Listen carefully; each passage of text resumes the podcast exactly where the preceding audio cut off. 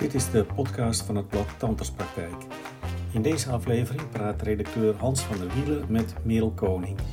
Koning is tandarts, maar ook kledingontwerpster, kunstenaar en schrijver.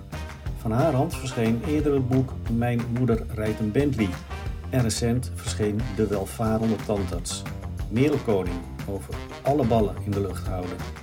Het is eigenlijk zo dat ik zelf als uh, ondernemende vrouw boeken zocht, uh, eigenlijk een beetje houvast zocht in boeken om te kijken van nou, hoe krijg je nou alles voor elkaar? En zeker toen ik uh, voor het eerst moeder werd, merkte ik dat al die ballen in de lucht houden. Dus ik liep met een baby op mijn arm rond. Ik had een eigen praktijk die nog groeiende was op dat moment. Dacht ik van, ja, hoe doen andere vrouwen dat? Hoe doen andere vrouwelijke ondernemers dat? En toen werd ik wel geïnspireerd door een aantal boeken van paar managementboeken, zelfhulpboeken, et cetera, zelfontwikkelingsboeken. Maar dat waren altijd boeken geschreven door een man. En een man die uh, heeft natuurlijk ook een bepaalde visie, uh, hoe die de dingen voor elkaar krijgt. Maar een vrouw staat vaak weer anders in het ondernemerschap. Zeker ook als je moeder bent en toch de zorg van de kinderen grotendeels nog steeds in Nederland op die moeders neerkomt dan is dat wel even het wiel uitvinden van hoe, hoe doe je dat nou allemaal? Hoe hou je nou al die ballen in de lucht? Dus ik was daarin zoekende en toen vond ik weinig boeken geschreven door vrouwen. En daar was ik juist naar op zoek. En toen heb ik wel wat boeken gelezen van uh, dames uh, die uh, in hoge managementfuncties zitten, die in het bedrijfsleven werken. Maar nog steeds miste ik het stukje ondernemerschap daarin. Dus zij hadden het voornamelijk over de, de spreekwoordelijke ladder, uh, het glazen plafond, et cetera. En toen dacht ik, ja, als ondernemer heb ik helemaal geen glazen plafond. Dus daar kon ik me helemaal niet in vinden en in herkennen. En toen dacht ik, ja, ik ben vast niet de enige vrouw die hier tegenaan loopt. En toen dacht ik, dan schrijf ik het toch gewoon zelf.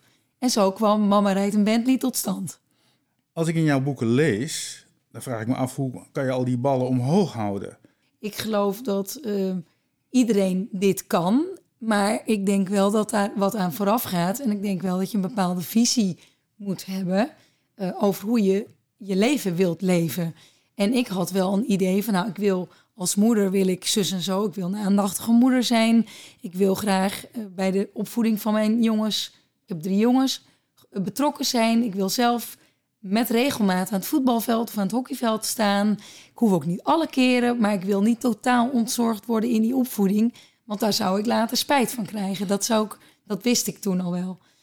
En maar dat is één van mijn rollen. En als ondernemer heb ik natuurlijk voor als standaards uh, praktijkhouder en als uh, nog, hè, ik werk nog steeds als standaards in mijn eigen praktijk, had ik wel een bepaalde visie van zo wil ik mijn praktijk vormgeven. Zo wil ik mijn praktijk leiden. Eh, daar wil ik naartoe. Dat is mijn punt, mijn stip op de horizon.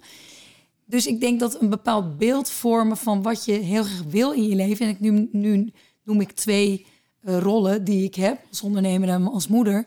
Maar zo zijn er natuurlijk nog veel meer rollen die je hebt als dochter en als zus en als uh, uh, echtgenoot, vriendin, buurvrouw, noem maar op.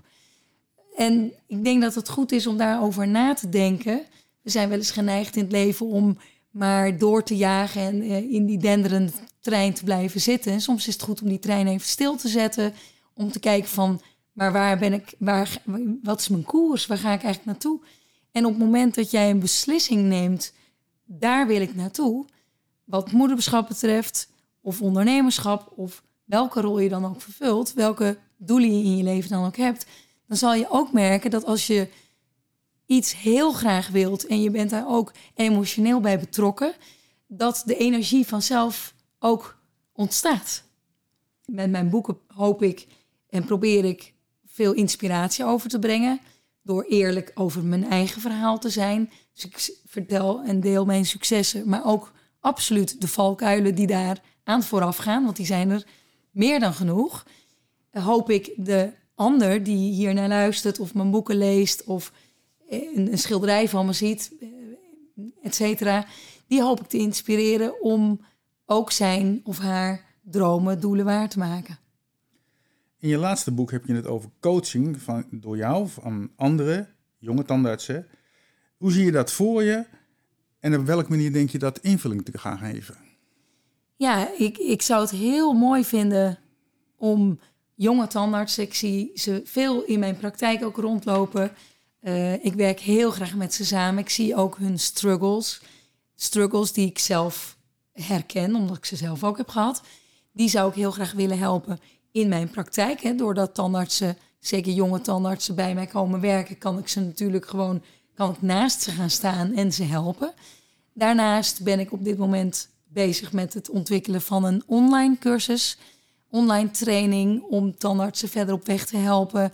Zeker omdat ik zelf ook die druk bezette moeder ben, merk ik dat het niet altijd lukt om fysieke trainingen op een, in een weekend of een congres in een weekend te volgen.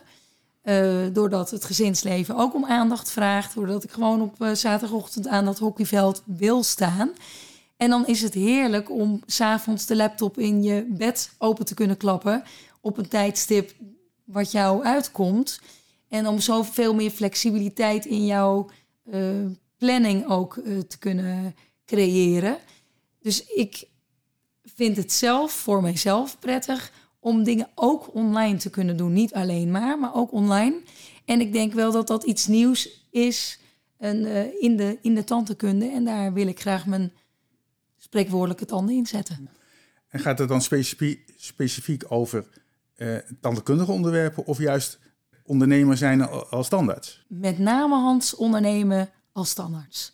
Want ik denk dat er namelijk al zoveel prachtige boeken zijn geschreven over tandheelkunde inhoudelijk dat ik daar niet zoveel meer aan toe heb te voegen. Maar het ondernemerschap, dat vind ik heel erg, heel erg leuk. Ja. Hoe sta je dan ten opzichte van al die ZZP'ers die in ons vak uh, rondhobbelen nu? Uh, tandartsen, mondhygiënisten, assistenten zijn zelfs ZZP'ers. Hoe sta jij daar als ondernemer tegenover? Ja, ik denk dat je als ZZP'er, als standaard dat vind ik toch wel een verschil met een ondernemer met personeel. Dat vind ik toch wel als je een praktijk te runnen hebt met alle dynamiek van dien, personeelszaken uh, en, al, en al die dingen meer. Denk ik, denk ik wel dat bij ondernemerschap veel meer komt kijken dan alleen s'morgens in de praktijk je agenda komen, komen doen. Hè, de patiënten komen, de patiëntenbehandeling komen doen.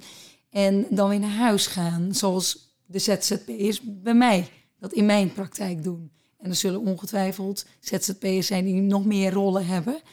Uh, maar zoals ik dat bij mij in de praktijk zie, zie ik wel dat uh, ondernemerschap is wel iets anders dan een ZZP'er zijn. En heeft een ZZP'er dan te weinig commitment met de praktijk? Ik denk dat ze wel gecommitteerd zijn aan de praktijk. Maar ze, ze richten zich eigenlijk op één ding en dat is die patiëntenbehandeling. En alles wat rondom die patiëntenbehandeling, hè, met een verwijsbrief schrijven, et cetera, dat, dat hoort daarbij. Maar ik zou veel meer uh, pleiten voor een indienstverband. Heeft dat ook met de honorering te maken? De honorering hè, in loondienst kun je daar ook verschillende uh, gradaties in creëren. Maar ik denk inderdaad, die, die, die percentages, Ehm, wat ik nu vaak zie is dat hele, hele jonge tandartsen die net van de universiteit afkomen, die komen meteen met een toch een behoorlijke vraag om omzet. Terwijl ik, hè, of om uh, percentage, om, uh, wat hun percentage dan is, dat vragen ze eigenlijk bijna al voordat ze überhaupt bij me aan tafel zitten. En dan zeg ik ook van, goh, omzet en je percentage, dat is eigenlijk een resultante van wat je in je vak stopt. En op het moment dat jij je vak goed verstaat en op een gegeven moment krijg je daar meer snelheid in, dan zul je ook merken dat je honorarium gaat stijgen. Dus ik zeg tegen, zeker tegen jonge tandartsen, zeg ik van, richt je nou eerst op dat je een goede tandarts, een goede vakvrouw of een vakman wordt. Zorg dat je je, je aandacht uh, daar insteekt om, om beter te worden als vakvrouw of vakman. En dan komt de rest komt vanzelf. Hoe kijk je dan in dat kader ook tegen de ketens aan? Hè? Uh, die, is, die steeds meer uitbreiden in de tandheelkunde en daarbuiten ook natuurlijk. Ja, ik denk dat, uh, ik denk dat er genoeg ketens zijn die uh, hun, hun doelstellingen zuiver hebben. Uh, die, die ken ik er althans. Maar ik denk dat er ook ketens zijn. Zeker als je, jij hebt het over private equity, Hans. Uh, dan denk ik dat er ook wel andere belangen zijn. Uh, waaraan voldaan moet worden. En dan stel ik wel eens mijn vraagtekens. zet ik daar wel eens mijn vraagtekens bij van... zijn we er nog voor de patiënt? Of moet het gewoon een enorme rendabele business zijn? Heb je ook een mening over de tarieven zoals die vastgesteld zijn door de NZA en met de extra inmenging, daarvan van de verzekeraars? Ja, die, die tarieven in mijn optiek moeten die vrijgegeven worden. Ja, dat is. Uh, ik vind namelijk dat een tandarts die zijn werk heel serieus neemt, die aandacht en tijd, maar ook heel veel ervaring heeft, dat er wel een ander tarief tegenover mag staan dan iemand die pas begint. Ik zie het bijvoorbeeld, om je een voorbeeld te geven, Hans, bij mijn eigen kapper. Ik ga naar een, eh, een, eh, bekende kapper uit Den Bosch. Um, die heeft zo knetterveel ervaring en is ook zo ontzettend goed. Die weet absoluut wat hij doet. En je ziet, die knipt nooit. Hè, iedere beweging is effectief en goed. En die vraagt een, een ander tarief, een senior tarief of een, een professional tarief, hoe die dat dan noemt, dan zijn jongere medewerkers die nog, nog net van de kappersopleiding afkomen. En dat vind ik heel terecht. Heb jij het idee dat beroepsorganisaties zoals KNMT, COM, NVM het idee hebben wat er zich echt in het veld afspeelt? Dat denk ik wel. Ik denk dat er heel veel uh, intelligente mensen zitten die uh, ook hun ogen en oren goed open hebben. Uh, dat denk ik zeker. Maar er zijn wel twee verschillende. Er is wel een verschil tussen de dingen weten en er dan ook naar handelen om het weer in het belang van de patiënt te keren. En ook in het belang van ja, de uitvoerder, en dat is natuurlijk de tandarts. En ik denk dat daar nog wel een hele slag te maken is. Een andere vraag. Jij als echte ondernemer, zo zie ik jou en zoals ik in de boeken lees, eh, komt dat terug. Waarom zijn er zo weinig studenten die afstuderen en als standaard geen eigen praktijk durven te beginnen? Wat is er mis met de opleiding die dit misschien veroorzaakt? Weet ik ook niet trouwens. Eh, te weinig of, oefening of is de opleiding gewoon niet goed genoeg? Nou, wat, wat, ik, wat ik zie in mijn. Ik, ik kijk natuurlijk uh, uh, wat er in mijn eigen praktijk gebeurt. En ik heb veel tandartsen bij me werken, veel jonge tandartsen bij me werken. Wat ik zie is dat ze echt uh, nog uh, vlieguren moeten maken. Dat ze soms met uh, één kroon of twee kronen van de universiteit afkomen die ze daadwerkelijk geplaatst hebben. net aan een brug hebben geplaatst. Als ik naar mijn eigen opleiding kijk, ik moest nog, ik was al afgestudeerd, maar die ene brug moest ik nog even plaatsen. En ik zou het jonge tandartsen gunnen om bijvoorbeeld een jaar of anderhalf jaar een, een, een poos, een soort van stage te laten lopen in een tandartspraktijk. Zoals ik heb in mijn praktijk heb ik ook veel stagiaires uh, van het ondersteunende personeel, mondhygiënist, tandartsassistent, preventieassistent, et cetera.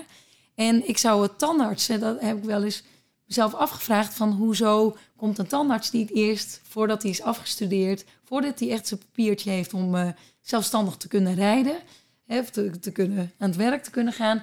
Waarom komt hij niet eerst een jaar eens even onder de vleugels van werken, zodat hij de ruimte, hij of zij de ruimte krijgt om uh, te leren, uh, ervaring op te doen, meters te maken, et cetera. Ehm, dat zou mijn advies zijn om weer een, een, een poos de tandheelkunde-student uh, onder de vleugels uh, te, te plaatsen van een uh, ervaren tandarts.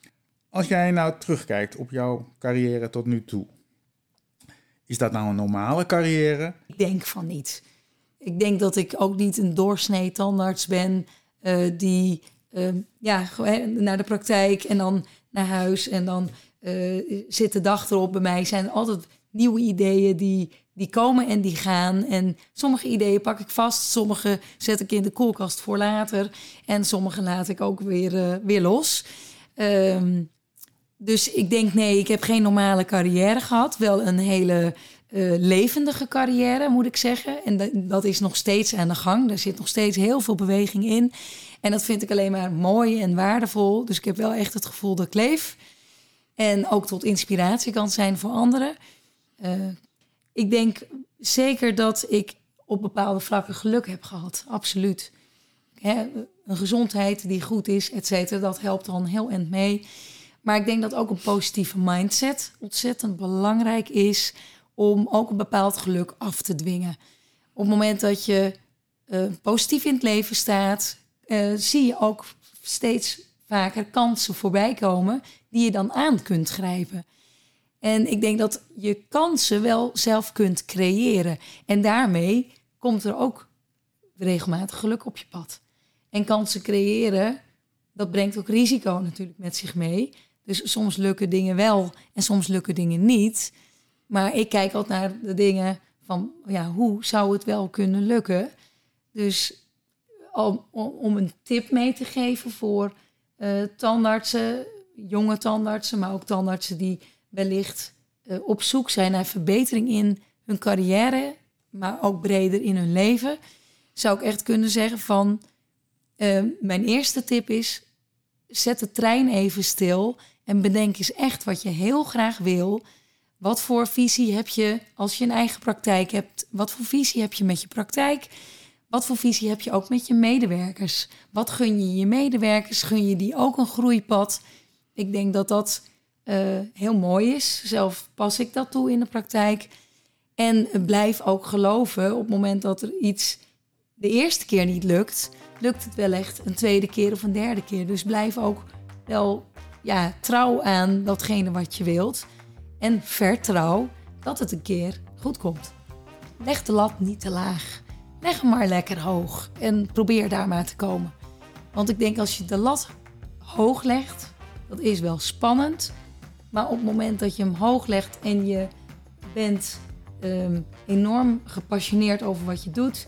En je, bent, uh, je wordt helemaal enthousiast als je aan een bepaald beeld hè, van een prachtig bloeiende praktijk of een carrière als uh, specialist of, of noem maar op, wat jouw wensen dan ook zijn.